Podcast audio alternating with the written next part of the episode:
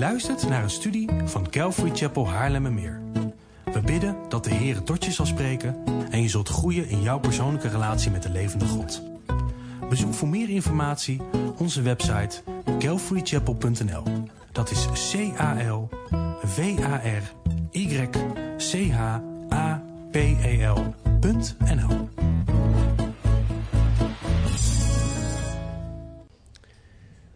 Sla alsjeblieft je Bijbel open op Romeinen.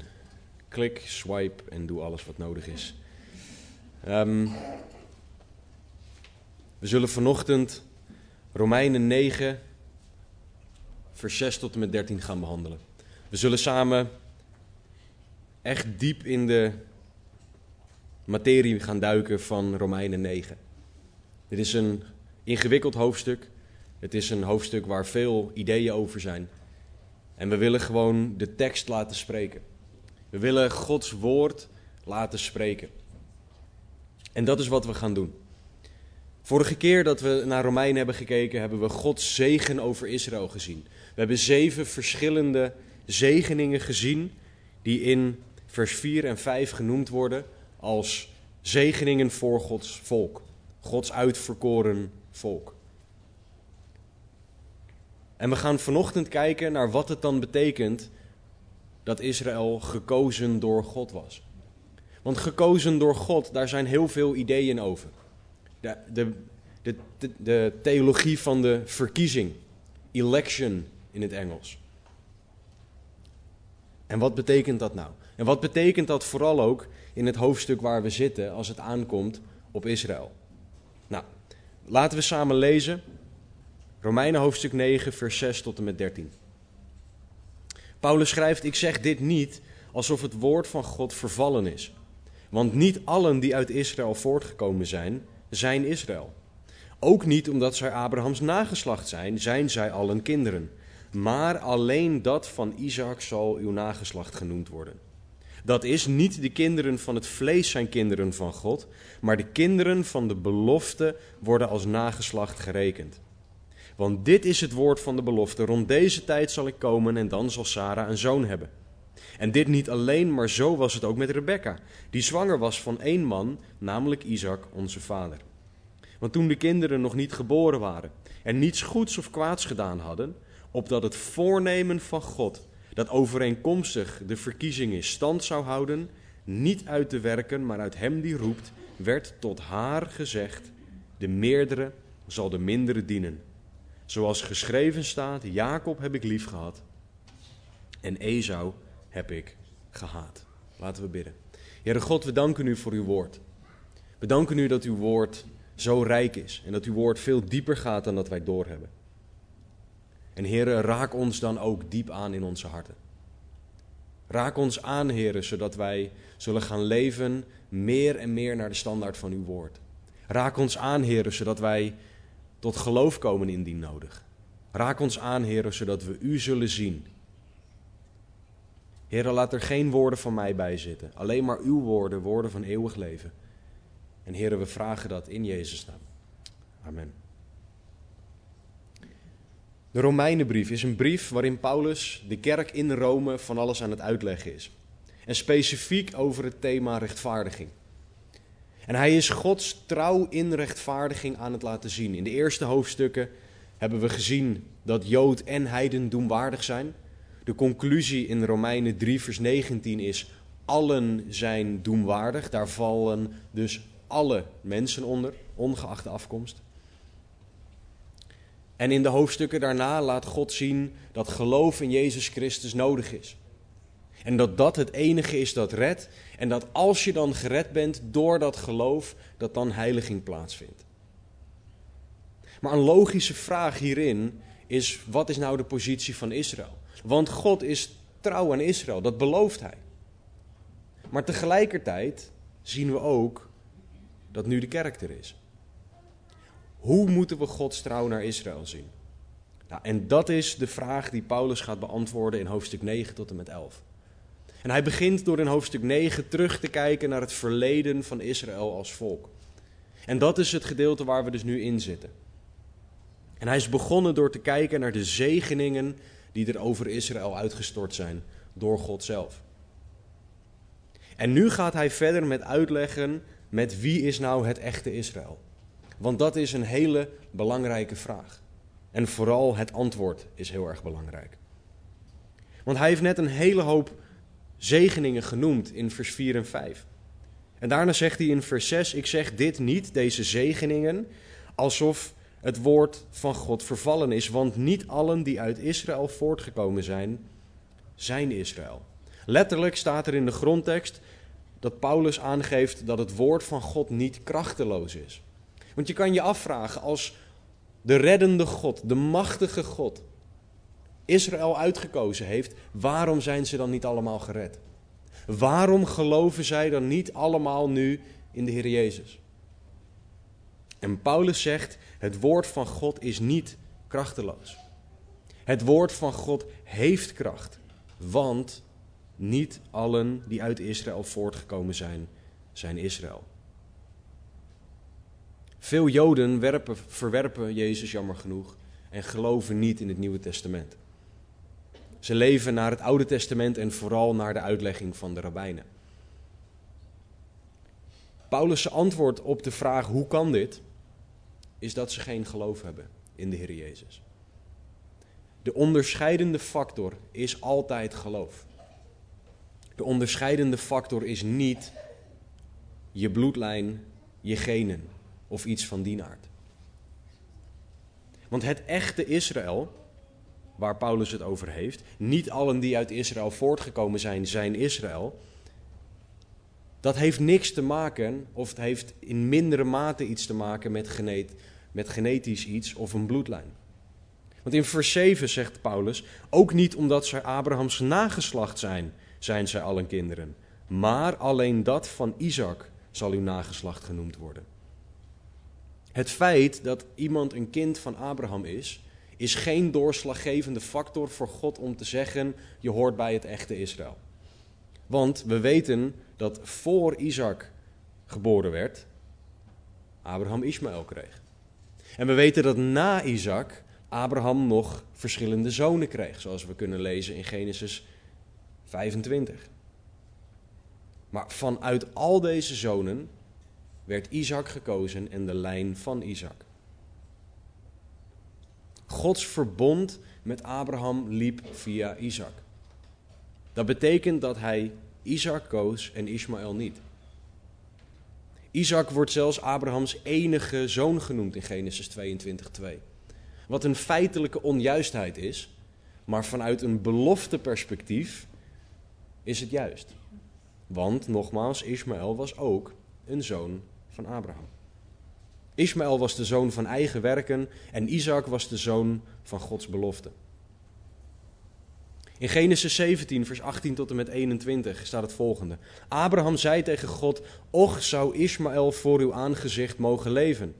God zei, integendeel, uw vrouw Sarah zal u een zoon baren en u moet hem de naam Isaac geven. Ik zal mijn verbond met hem maken, tot een eeuwig verbond voor zijn nageslacht na hem.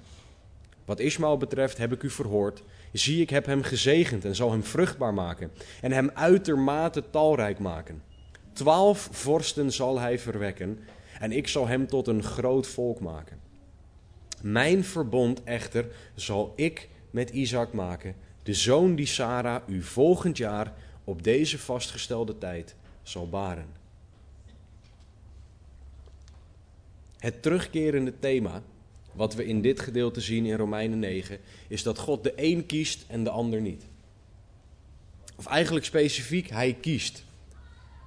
Uitgekozen door God. En dat is waar het hier over gaat. Het gaat erom dat God kiest. Het gaat erom dat Israël als geheel Gods uitverkoren volk is, maar dat niet heel Israël, niet het hele volk, iedereen die genetisch Israëliet is, zijn allemaal het echte Israël. Daarom kan je niet per definitie zeggen dat uitverkoren gaat over redding. Want het hele volk Israël is uitgekozen door God. Ook dat gedeelte van het volk dat niet gelooft. Zij zijn allemaal uitverkoren. Het onderscheid zit in de belofte.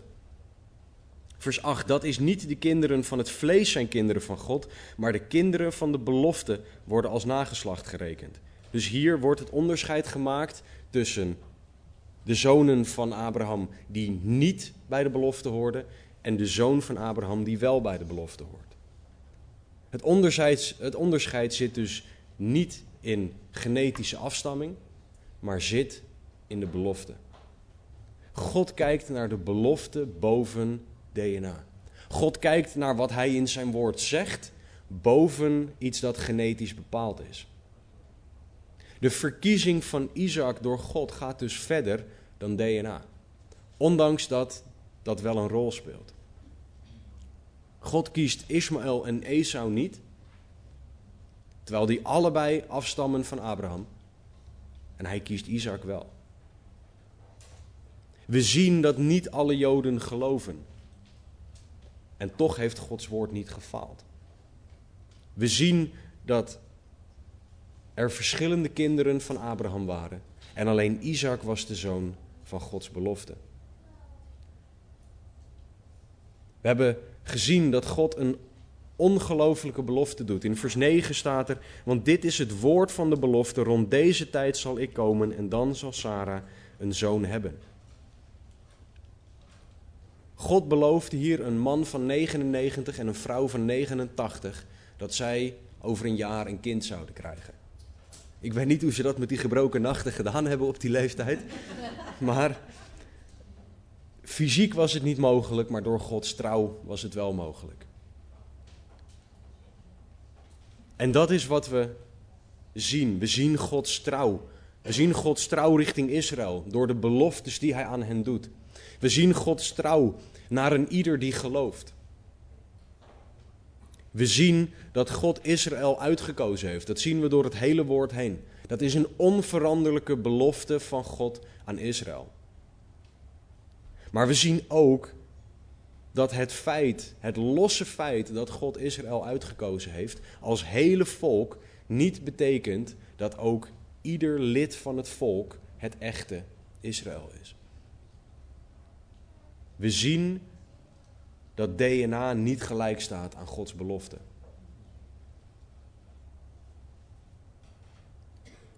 God is trouw naar beide zoons, naar Ismaël, naar Ismaël en Isaac. Allebei worden een groot volk, maar één van de twee was slechts de zoon van de belofte. In vers 10 tot en met 12 maakt Paulus hetzelfde punt. En dit niet alleen, maar zo was het ook met Rebecca, die zwanger was van één man, namelijk Isaac, onze vader.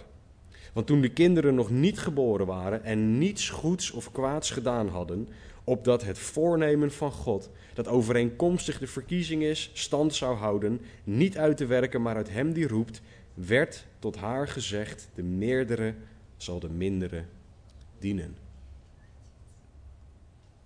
Genetisch en cultureel had het als volgt moeten zijn. Esau werd als eerste geboren, daarna Isaac. Isaac als jongere, jongere broertjes, luister goed. nee hoor. Jongere broertjes moeten de oudere broer dienen. Dat is een grapje, sorry. Mijn jongere broertje zit hier in de zaal. Die moet nog bijbels onderwezen worden. Nee hoor. Die, ik mag leren dat ik mijn jongere broertje mag dienen. Maar wat het punt is dat Paulus aan het maken is, is dat God iets doet wat tegen de DNA en tegen de cultuur ingaat. De standaard is namelijk dat de jongere de oudere dient. En God zegt: de meerdere zal de mindere dienen, de jongere zal gediend worden door de ouderen. God kiest hier. En dat had niks te maken met wat zij tot nu toe gedaan hadden. Want zij waren uitgekozen voordat ze geboren waren. Het had niks met werken te maken. De reden zat in God zelf, opdat het voornemen van God stand zou houden, zegt Paulus. Wat is nou het punt dat Paulus aan het maken is? Want dit zijn een hele hoop ingewikkelde versen die wijzen op het feit dat hij Israël kiest en dat hij uit Israël Abraham kiest en uit Abraham het nageslacht van Isaac en uit het nageslacht van Isaac gaat hij verder. Waarom zegt Paulus dit? De vraag die Paulus aan het beantwoorden is: wat dan nu met Israël? En daarom kijkt hij naar Israël helemaal terug naar het begin, toen Israël gesticht werd in Abraham. En vanaf daar gaat hij kijken dat niet allen die uit Israël voortgekomen zijn, ook het echte Israël zijn. Het hele volk was uitgekozen, maar slechts een deel leefde naar Gods wil. Het hele volk was Gods volk, maar uiteindelijk draait het erom wie gelooft er echt in God. Wie zijn degenen die trouw zijn aan God? Dan vers 13. En dit is een vers waar bijbelleraren over elkaar heen vallen. Over elkaar struikelen. Waarbij er boekwerken geschreven zijn over letterlijk alleen dit vers. Er staat, zoals geschreven staat, Jacob heb ik lief gehad en Esau heb ik gehaat. Ja, dit is een lastig vers, laten we er niet omheen draaien. Ik ga hier niet staan en zeggen, piece of cake, wat doen we moeilijk. Dit vers is ingewikkeld. Wat het niet helpt, is dat dit vers vaak uit context gelezen wordt. Dat we dit vers pakken uit Romeinen 9 en dan zeggen: dit is hoe het is. Zonder te kijken naar wat er omheen staat. En wat nog veel lastiger is, is dat we vanuit een theologisch systeem vaak naar dit vers kijken. Dat we in ons hoofd hebben, zo moet de Bijbel spreken, dit is wat deze woorden moeten betekenen en daarom betekent dit het volgende. Wat we zien als we de tekst laten spreken, en daarmee wil ik niemand tekort doen, wil ik niemand aanvallen, ik wil me richten op wat er in de tekst staat. Als je kijkt naar de tekst, dan zie je één heel erg belangrijk ding. Paulus citeert het Oude Testament. Zoals geschreven staat. En dit is ongelooflijk belangrijk. Want dit is dus niet een nieuw testamentisch idee. Dit is iets wat al uit het Oude Testament komt. En Paulus is vanuit het Oude Testament een zaak aan het maken voor rechtvaardiging door geloof. En voor Gods trouw, Gods blijvende trouw richting Israël. Paulus is in het hele, of in de hele Romeinenbrief, maar specifiek in het gedeelte waar we nu zitten, de hele tijd met oud-testamentische Bijbelversen aan het smijten. En waarom doet hij dat? Hij doet dat niet om te laten zien, kijk mij eens Paulus zijn. En kijk mij eens even de Bijbel goed kennen. Hij doet dit om te laten zien dat ons geloof ergens op gebouwd is. Dat ons geloof gebouwd is op het Oude Testament en dat het een logisch gevolg is van wat daar staat. Dat het niet iets nieuws is of iets wat Paulus bedacht heeft. Dat wij navolgers van Paulus zijn in de plaats van Christus. Hij citeert het Oude Testament door de hele Romeinenbrief heen om een stevig fundament te leggen voor de boodschap die wij mogen horen. En wat Paulus doet, is hij citeert uit Malachi 1. Wanneer hij zegt, Jacob heb ik lief gehad en Esau heb ik gehaat. En wat hij hier doet is dus dat de verkiezing, dat uitgekozen door God, is dus al een oud-testamentisch principe. En we moeten dat dus ook vanuit het Oude Testament begrijpen, voordat we kunnen snappen wat het betekent in de context die Paulus ons hier geeft. En daarmee wordt het dus al ingewikkelder dan dit vers lezen, een Nederlands woordenboek ernaast leggen en zeggen: Nu snap ik hem. Want als je dat doet, dan mis je een hele hoop, eigenlijk bijna alles van de betekenis en van het punt dat Paulus maakt. Dus om te begrijpen wat Paulus zegt, gaan we naar Malachi 1. Malachi 1, vers 1 tot en met 5 zijn heel erg belangrijk. Het laatste boek van het Oude Testament. De profeet Malachi schrijft in hoofdstuk 1, vers 1 tot en met 5: Een last, het woord van de Heere tot Israël door de dienst van Malachi. Ik heb u lief gehad, zegt de Heere, maar u zegt: Waarin hebt u ons lief gehad? Was Esau niet de broer van Jacob, spreekt de Heer? Toch heb ik Jacob lief gehad en Esau heb ik gehaat. Ik heb zijn bergen, de zijn is Esau, heb ik gemaakt tot een woestenij. En zijn erfelijk bezit prijsgegeven aan de jakhalzen van de woestijn. Hoewel Edom zegt, als wij verwoest worden, bouwen wij de puinhopen weer op, zegt de Heere van de legermachten dit. Zullen zij bouwen, dan zal ik afbreken. En men zal hen noemen goddeloos gebied. En het volk waarop de Heere tot in eeuwigheid toornig is. Uw eigen ogen zullen het zien en u zult zelf zeggen, groot is de Heere tot over de grens, de grenzen, sorry, van Israël. Malachi is een boek dat ik iedereen aanraad om te lezen, maar de context is God praat tegen Israël. En hij is aan het uitleggen waar zij falen in hun relatie met God. Want zij hebben van hun relatie met God een plicht gemaakt.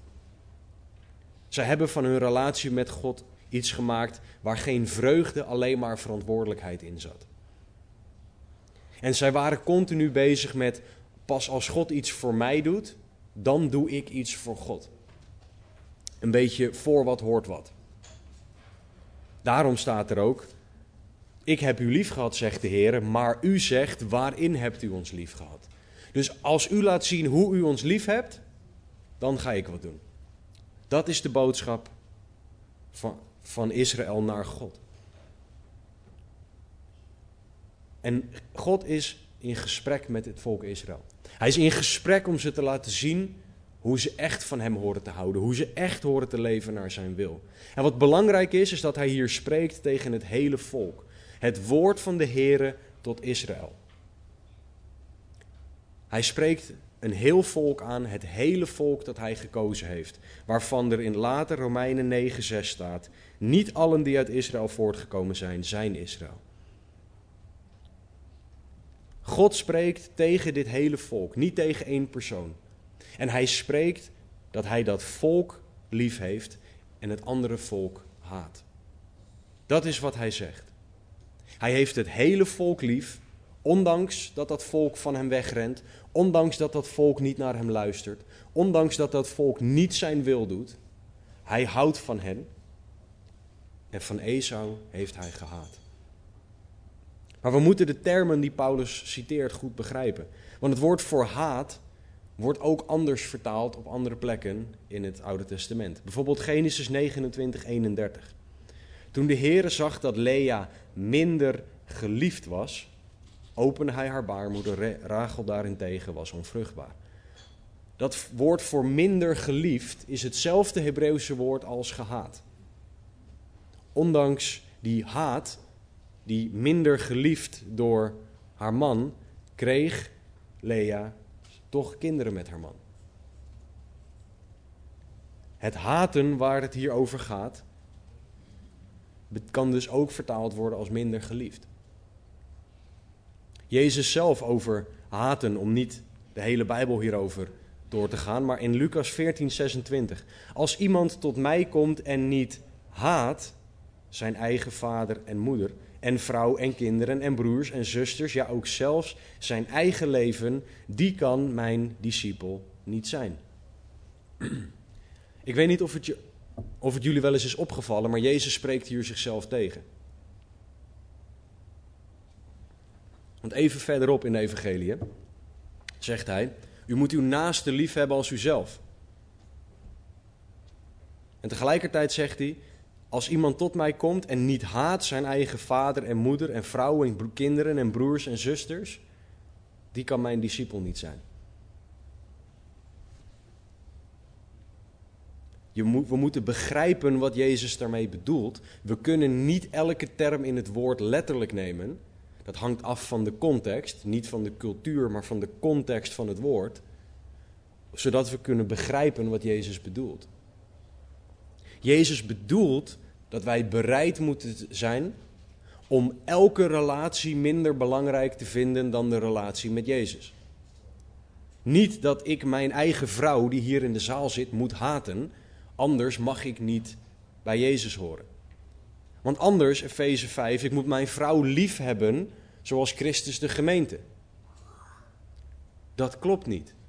als die dingen letterlijk het woord haat betekenen. Het haten, waar er in Malachi en dus ook in, in Romeinen 9 over gesproken wordt, hebben te maken met de verhouding ten opzichte van elkaar. Dus bijvoorbeeld, voor de een is iets heel zwaar, terwijl dat voor de ander heel licht is. Neem bijvoorbeeld als je, ik vind de sportschool, ik, ik hou van naar de sportschool gaan, ook al ben ik er ook al een paar jaar niet geweest, maar dat is een ander verhaal. Ehm, voor de een is een gewicht van 10 kilo is ontzettend zwaar. Voor een bodybuilder, die kijkt niet eens naar de 10 kilo. Die minacht de 10 kilo zo'n beetje. Want die, die kan de 50 kilo pakken en zwaarder. En voor mij is 50 kilo dat ik denk, ja, dan zit ik bijna mijn eigen lichaamsgewicht naar boven te duwen. Dat is ook niet de bedoeling. Zo probeer ik mezelf voor te houden dat ik niet te zwak ben om dat uh, te tillen.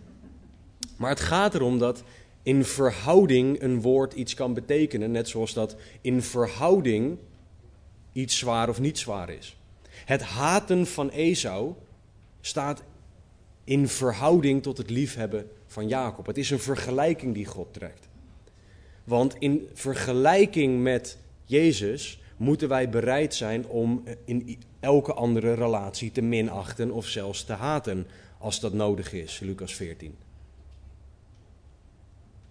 Gods behandeling van Edom, het volk dat uit Esau voortkwam, staat in relatie, is een moet je vergelijken met de manier waarop God met Israël omging. Het een is liefhebben en het ander is haten, als je die twee met elkaar vergelijkt. Want de een wordt heel erg gezegend, Israël, die allerlei zegeningen van God krijgt. Terwijl Edom, als je kijkt naar wat God tegen Malachi zegt, als wij verwoest hebben, bouwen wij de puinhopen weer op. God zegt, zullen zij bouwen, dan zal ik afbreken. De verhouding tussen die twee is wat het een liefhebben en het ander haten maakt. Want anders zou God ook niet meer God kunnen zijn. Als we deze woorden compleet letterlijk zouden moeten nemen. Er is een interpretatie van deze woorden die zo ver gaat dat men zegt dat God de ene mens uitkiest voor redding en de andere mens uitkiest om naar de hel te gaan. Dat voordat iemand geboren is, al door God bepaald is, jij gaat daarheen. En jij hebt daar zelf geen enkele vorm van inspraak in. Dat heet dubbele uitverkiezing. Deze leer is niet te, is niet te verenigen met het gedeelte wat we nu in Romeinen 9 aan het, aan het lezen zijn. Want wat we daar zien, is dat niet heel Israël echt Israël is. Maar als God heel Israël uitgekozen heeft, dan zou heel Israël gered moeten zijn en zou niemand van Israël moeten afvallen. Uitverkiezing betekent dus iets anders dan automatisch gered. Want ondanks dat heel Israël het volk van God is tot op de dag van vandaag en dat zij, en dat beleid ik met alles wat ik heb, dat zij Gods volk zijn, zien we, en dat zie ik van heel dichtbij, dat niet alle Joden geloven. Maar ze zijn uitgekozen. Maar toch geloven ze niet allemaal. God koos zijn volk Israël met een doel. En dat is waar uitgekozen door God om draait.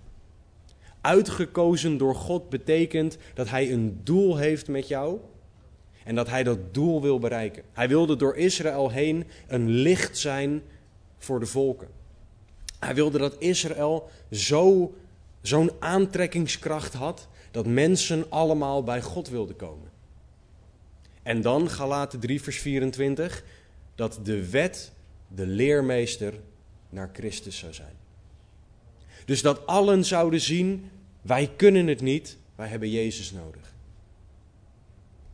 Uitgekozen door God spreekt dus niet automatisch over redding.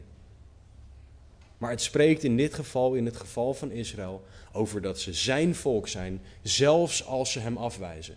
Want Israël is en blijft zijn volk, maar je hoeft het Oude Testament er maar op, op open te slaan.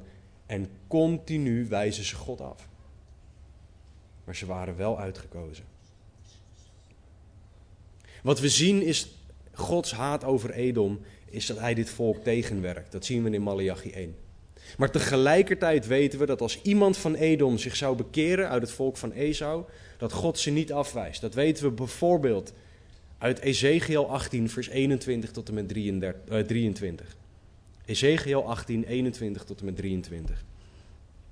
Maar wanneer de goddeloze zich bekeert van al zijn zonden die hij gedaan heeft, al mijn verordeningen in acht neemt en recht en gerechtigheid doet, zal hij zeker in leven blijven. Hij zal niet sterven. Al zijn overtredingen die hij begaan heeft, ze zullen hem niet in herinnering gebracht worden. Vanwege zijn gerechtigheid die hij gedaan heeft, dus het bekeren, zal hij leven. Zou ik werkelijk behagen scheppen in de dood van de goddeloze, spreekt de Heere Heere? Is het niet wanneer hij zich bekeert van zijn wegen dat hij zal leven? Dit is Gods hart. Ja, God wijst op zonde. Ja, God maakt duidelijk wat wel en niet zijn wil is. Ja, God heeft een doel met mensen waar ze de ene keer wel en de andere keer niet aan voldoen. Maar een ieder die zich bekeert, mag bij God komen. Wanneer hij zich bekeert van zijn wegen, zal hij leven. Dat is Gods conclusie dit is Gods hart voor allen die tot Hem komen. En dit is ook waarom niemand verloren hoeft te gaan. Dus het idee van dubbele voorbestemming is niet bijbels. Want daarmee zou iemand per definitie niet de kans hebben om zich te bekeren. Terwijl er hier staat, maar wanneer de goddeloze zich bekeert. De optie is er dus.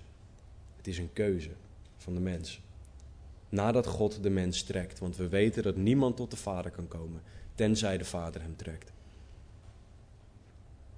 God koos Israël. Dat moet als een paal boven water staan voor ons. En hij kiest ook zijn kerk. Dat kan je bijvoorbeeld zien in Marcus 13. We zien dat hij individuen kiest in Handelingen 13. En de vraag is hoe dit dan samenwerkt met tussen redding en de vrije wil van de mens.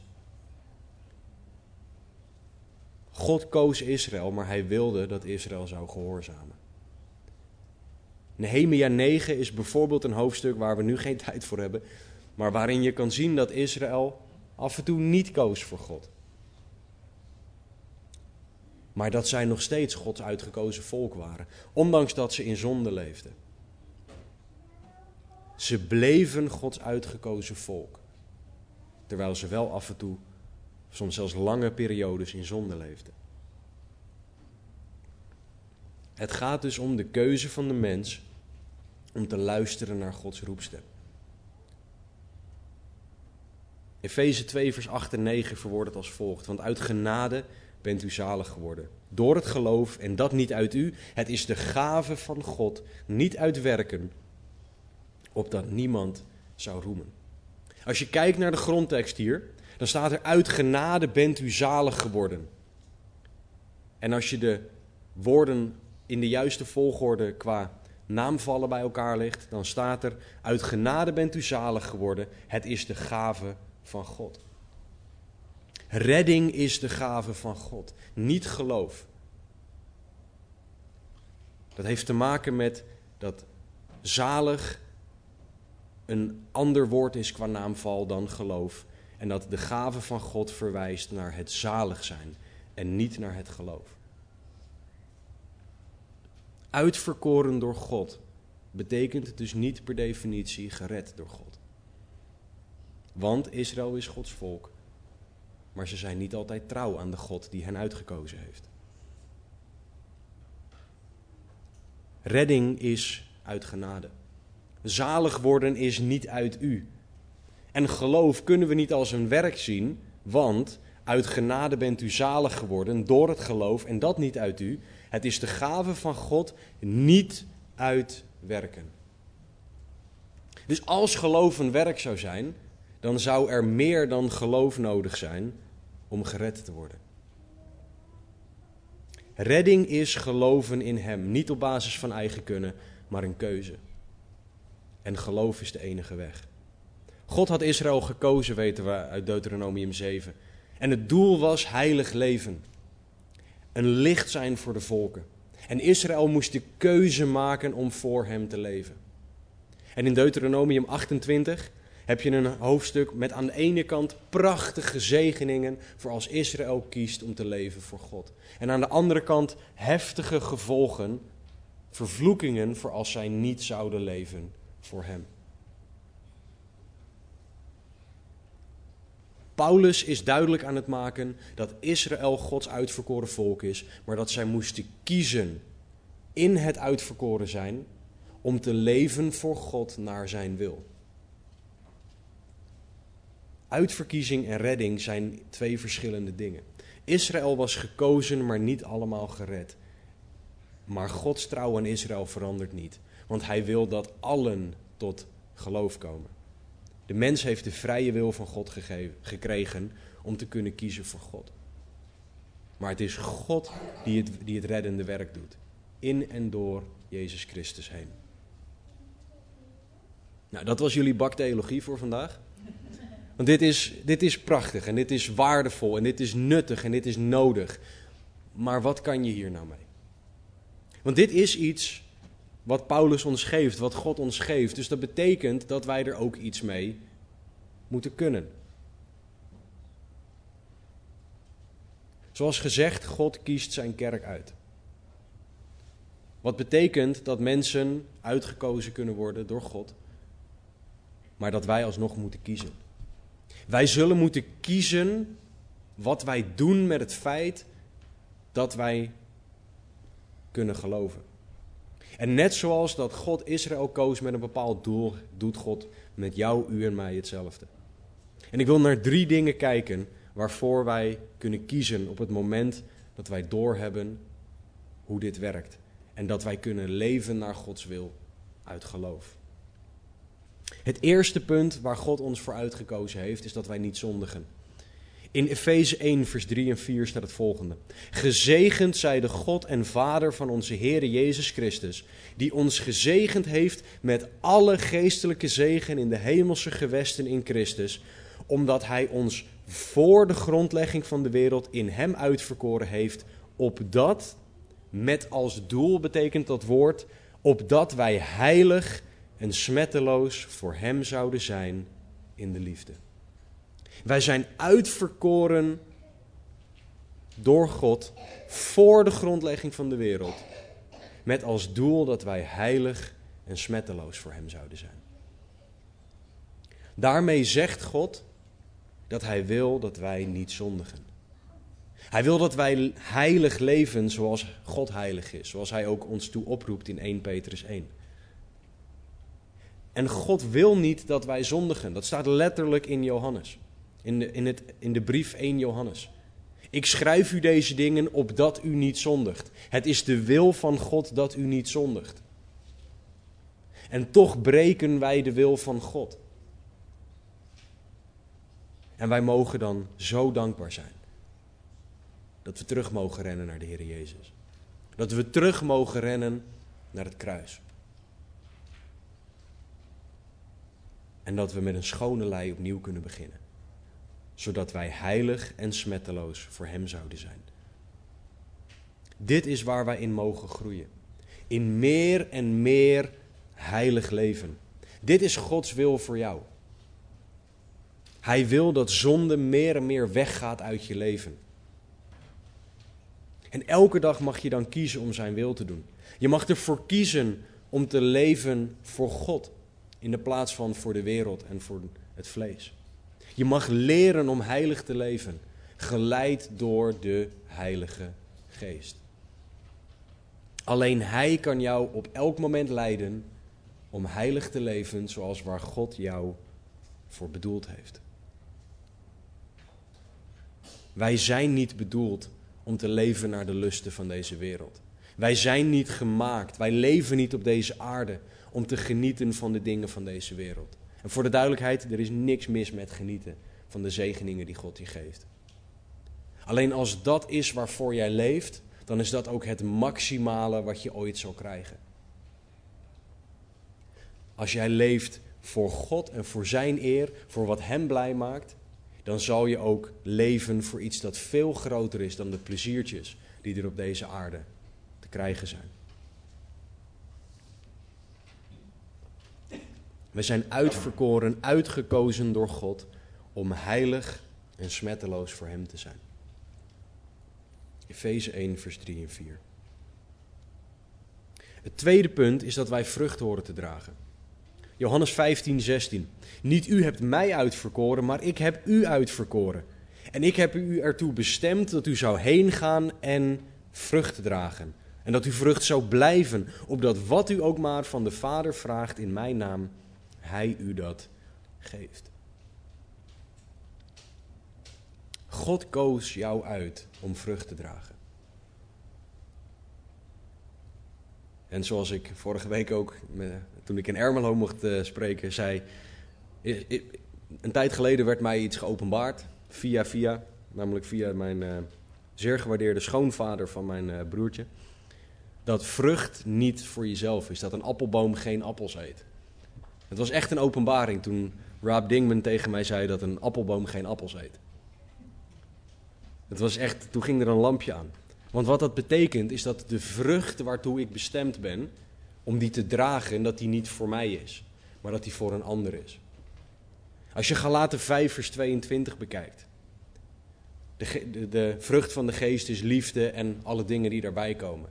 Geen van die dingen zijn dingen die ik voor mijzelf doe. Het zijn dingen waar anderen de vruchten van plukken. En dat is waarvoor je bestemd bent. Een appelboom of een boom met mooie vruchten is ook heel aantrekkelijk. Want de meeste mensen vinden vruchten heel erg lekker. Sorry, ik moet even denken aan een zeer geliefde broeder die niet van fruit houdt. Maakt even niet uit. Ook voor hem, en je weet wie je bent, zou een, een, een boom met vruchten heel aantrekkelijk moeten zijn. En zo hoort ons leven dat vrucht draagt. Ik zie niet nadenken, wie is dat? niet vanaf de kansel.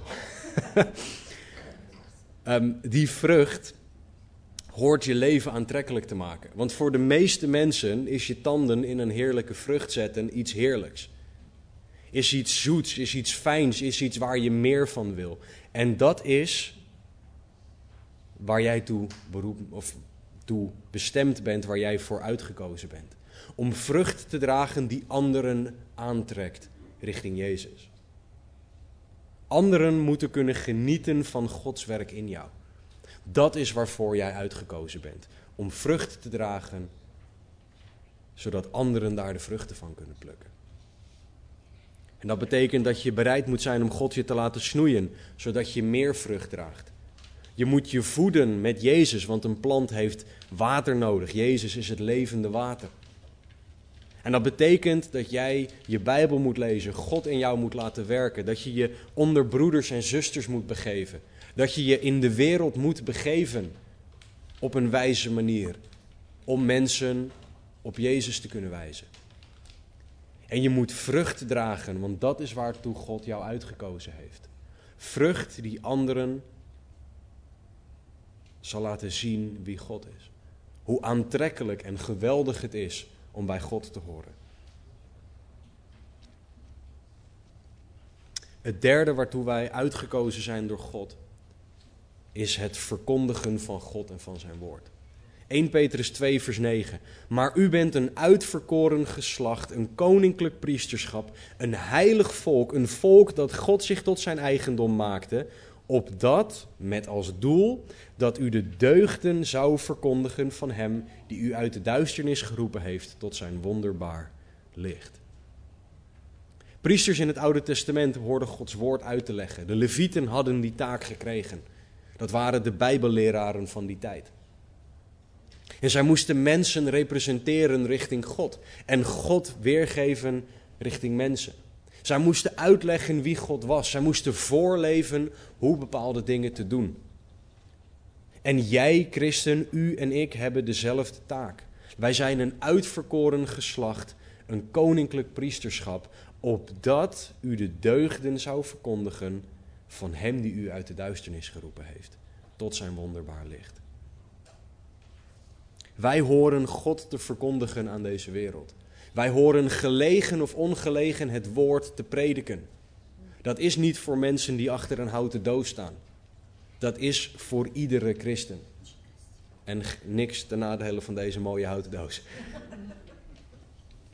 Iedere christen hoort het woord gelegen of ongelegen te prediken. En misschien betekent dat dat jij de straat op moet gaan. Of dat jij in Hartje Nieuw-Vennep moet gaan staan. Alsof Nieuw-Vennep een hart heeft, maar daar gaat het even niet om. Zo klein is het. Ja, dat jij midden in het centrum van Nieuw-Vennep moet gaan staan om mensen daarover Jezus te vertellen. Misschien moet jij iets anders doen, maar God wil jou leiden, wil jou richting geven, zodat jij de juiste keuzes zal maken. Hoe Hij zijn woord door jou heen wil spreken tot mensen. Want ieder mens moet het goede nieuws horen.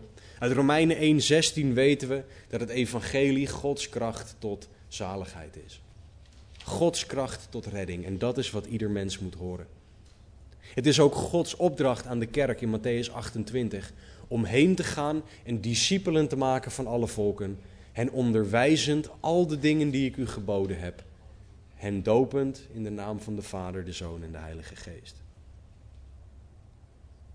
Dit is voor jou, dus voel je alsjeblieft persoonlijk aangesproken, christen. Ook voor jullie die meekijken.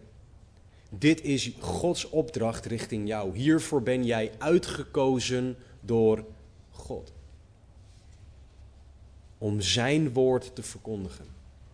Waar je ook bent, wat je ook doet. Om Zijn woord te brengen. Uitgekozen door God betekent dat Hij wil dat je leert om te leven naar Zijn wil, heilig, zodat je niet zal zondigen. Hij wil dat je vrucht zal dragen. En hij wil dat je God en zijn woord verkondigt. Israël was uitgekozen door God om zijn volk te zijn, een licht voor de wereld. Wij zijn uitgekozen door God om deze dingen te doen. De vraag is of wij daarin wandelen. In Romeinen 9 is Paulus ons aan het uitleggen dat Israël uitgekozen is door God. En dat zijn trouw richting zijn volk niet ophoudt. Israël is uitgekozen, maar niet allen leefden naar die uitverkiezing, namelijk dat ze heilig zouden leven voor hem. God hield van Jacob, houdt van Jacob en in verhouding haatte hij Esau. En wij zijn ook uitgekozen door God, met als doel dat wij voor God zouden leven, geleid door God op Gods manier. Dus de keuze is aan jou. Als jij nog niet gelooft, is vandaag de kans om te geloven. En denk niet morgen of volgende week. Las een keer een verhaal van een voorganger die in de jaren 18, 1900 leefde. Volgens mij was het 1800. En die zei: Denk deze week na over wat ik gezegd heb en beslis voor volgende week zondag. En in die week brandde er een heel groot pand af. En stierven er duizenden mensen in die brand. Waarna hij nooit meer gezegd heeft: Denk er rustig over na. Neem de tijd. Want je weet niet of je er morgen nog bent. Kies vandaag, kies nu om te geloven. Om Jezus aan te nemen als redder en Heer. Gods woord zegt: geloof in Jezus als zoon van God en u bent gered. Johannes 20, 31. Dus geloof in Jezus Christus. Geloof in Hem als zoon van God en je bent gered, is wat het woord zegt. Christen, jij bent uitgekozen door God. De uitdaging is om te leven naar die uitverkiezing. Het is een fantastische zegen, maar het brengt ook verantwoordelijkheden met zich mee. De verantwoordelijkheid om heilig te leven. De verantwoordelijkheid om vrucht te dragen en om Gods woord te verkondigen aan deze wereld. Dus groei jij in het niet zondigen. Laat de geest je alsjeblieft hierin leiden. Laat de geest jou veranderen, jou bemoedigen. Christen, draag jij vrucht. Genieten anderen van Gods werk in jou? Of is dat niet zo? Vraag God om jou hierin te helpen en te leiden, om jou te snoeien en je meer vrucht te laten dragen. Christen, verkondig jij het goede nieuws, gelegen of ongelegen. Zoek naar manieren om mensen over God te vertellen, want deze wereld heeft het nodig om dat te horen. Uitgekozen door God. Dat is wat jij bent. Geloof en leef naar Zijn wil. Laten we bidden. Heere God, we danken u voor uw woord. We danken u dat u trouw bent aan uw woord. We danken u dat uw woord soms ingewikkeld is, maar dat we het beste commentaar op uw woord hebben, heren, in het woord zelf. En dat we daardoor kunnen zien dat uw woord zo ontzettend verhelderend is voor ons. We bidden dat u ons zal aanraken, dat u ons zal veranderen. We bidden dat u in ieder die nog niet gelooft, heren, geloof zal schenken. Dat zij tot geloof zullen komen, dat ze die keuze zullen maken, heren. Trek aan een ieder die u nu nog niet kent. Heren, doe wonderen alstublieft vandaag. Heren, help ons alstublieft ook om heilig te leven. Help ons om vrucht te dragen, heren, want dat kunnen we allemaal niet zelf. En heren, help ons ook om uw woord te verkondigen aan mensen, gelegen of ongelegen. Maak ons creatief, heren, voor hoe u ons daarin wil gebruiken. Maar laat ons niet wachten totdat de kerk iets gaat doen, maar help ons om te wachten op u en het gewoon te gaan doen, geleid door de geest. Heren, doe alstublieft uw wil in en ieder van ons. Heren, niet omdat wij dat verdienen, maar uit genade. In Jezus' naam. Amen. Het aanbiddingsteam zal ons zo nog leiden in een tweetal liederen. Er zullen zo ook een aantal mensen aan de randen en de achterkant van de zaal gaan staan met wie je kan bidden. Als je gebed wil, want iedereen heeft gebed nodig, ga dan naar, hen, naar een van hen toe. Ga naar een van hen toe en bid. En vraag God aan jou, of vraag God om jou te leiden, om jou te veranderen, om zijn wil in jou te doen. Efeze 1, vers 3 en 4 nogmaals. Gezegend zij de God en Vader van onze Heer Jezus Christus, die ons gezegend heeft met alle geestelijke zegen in de hemelse gewesten in Christus, omdat Hij ons voor de grondlegging van de wereld in Hem uitverkoren heeft, opdat wij heilig en smetteloos voor Hem zouden zijn in de liefde. Neem dat mee deze week. Alle geestelijke zegen in de hemelse gewesten. Je bent uitverkoren en Hij wil die geestelijke zegen gebruiken om jou heilig en smetteloos voor Hem te laten zijn in de liefde. Gezegende week.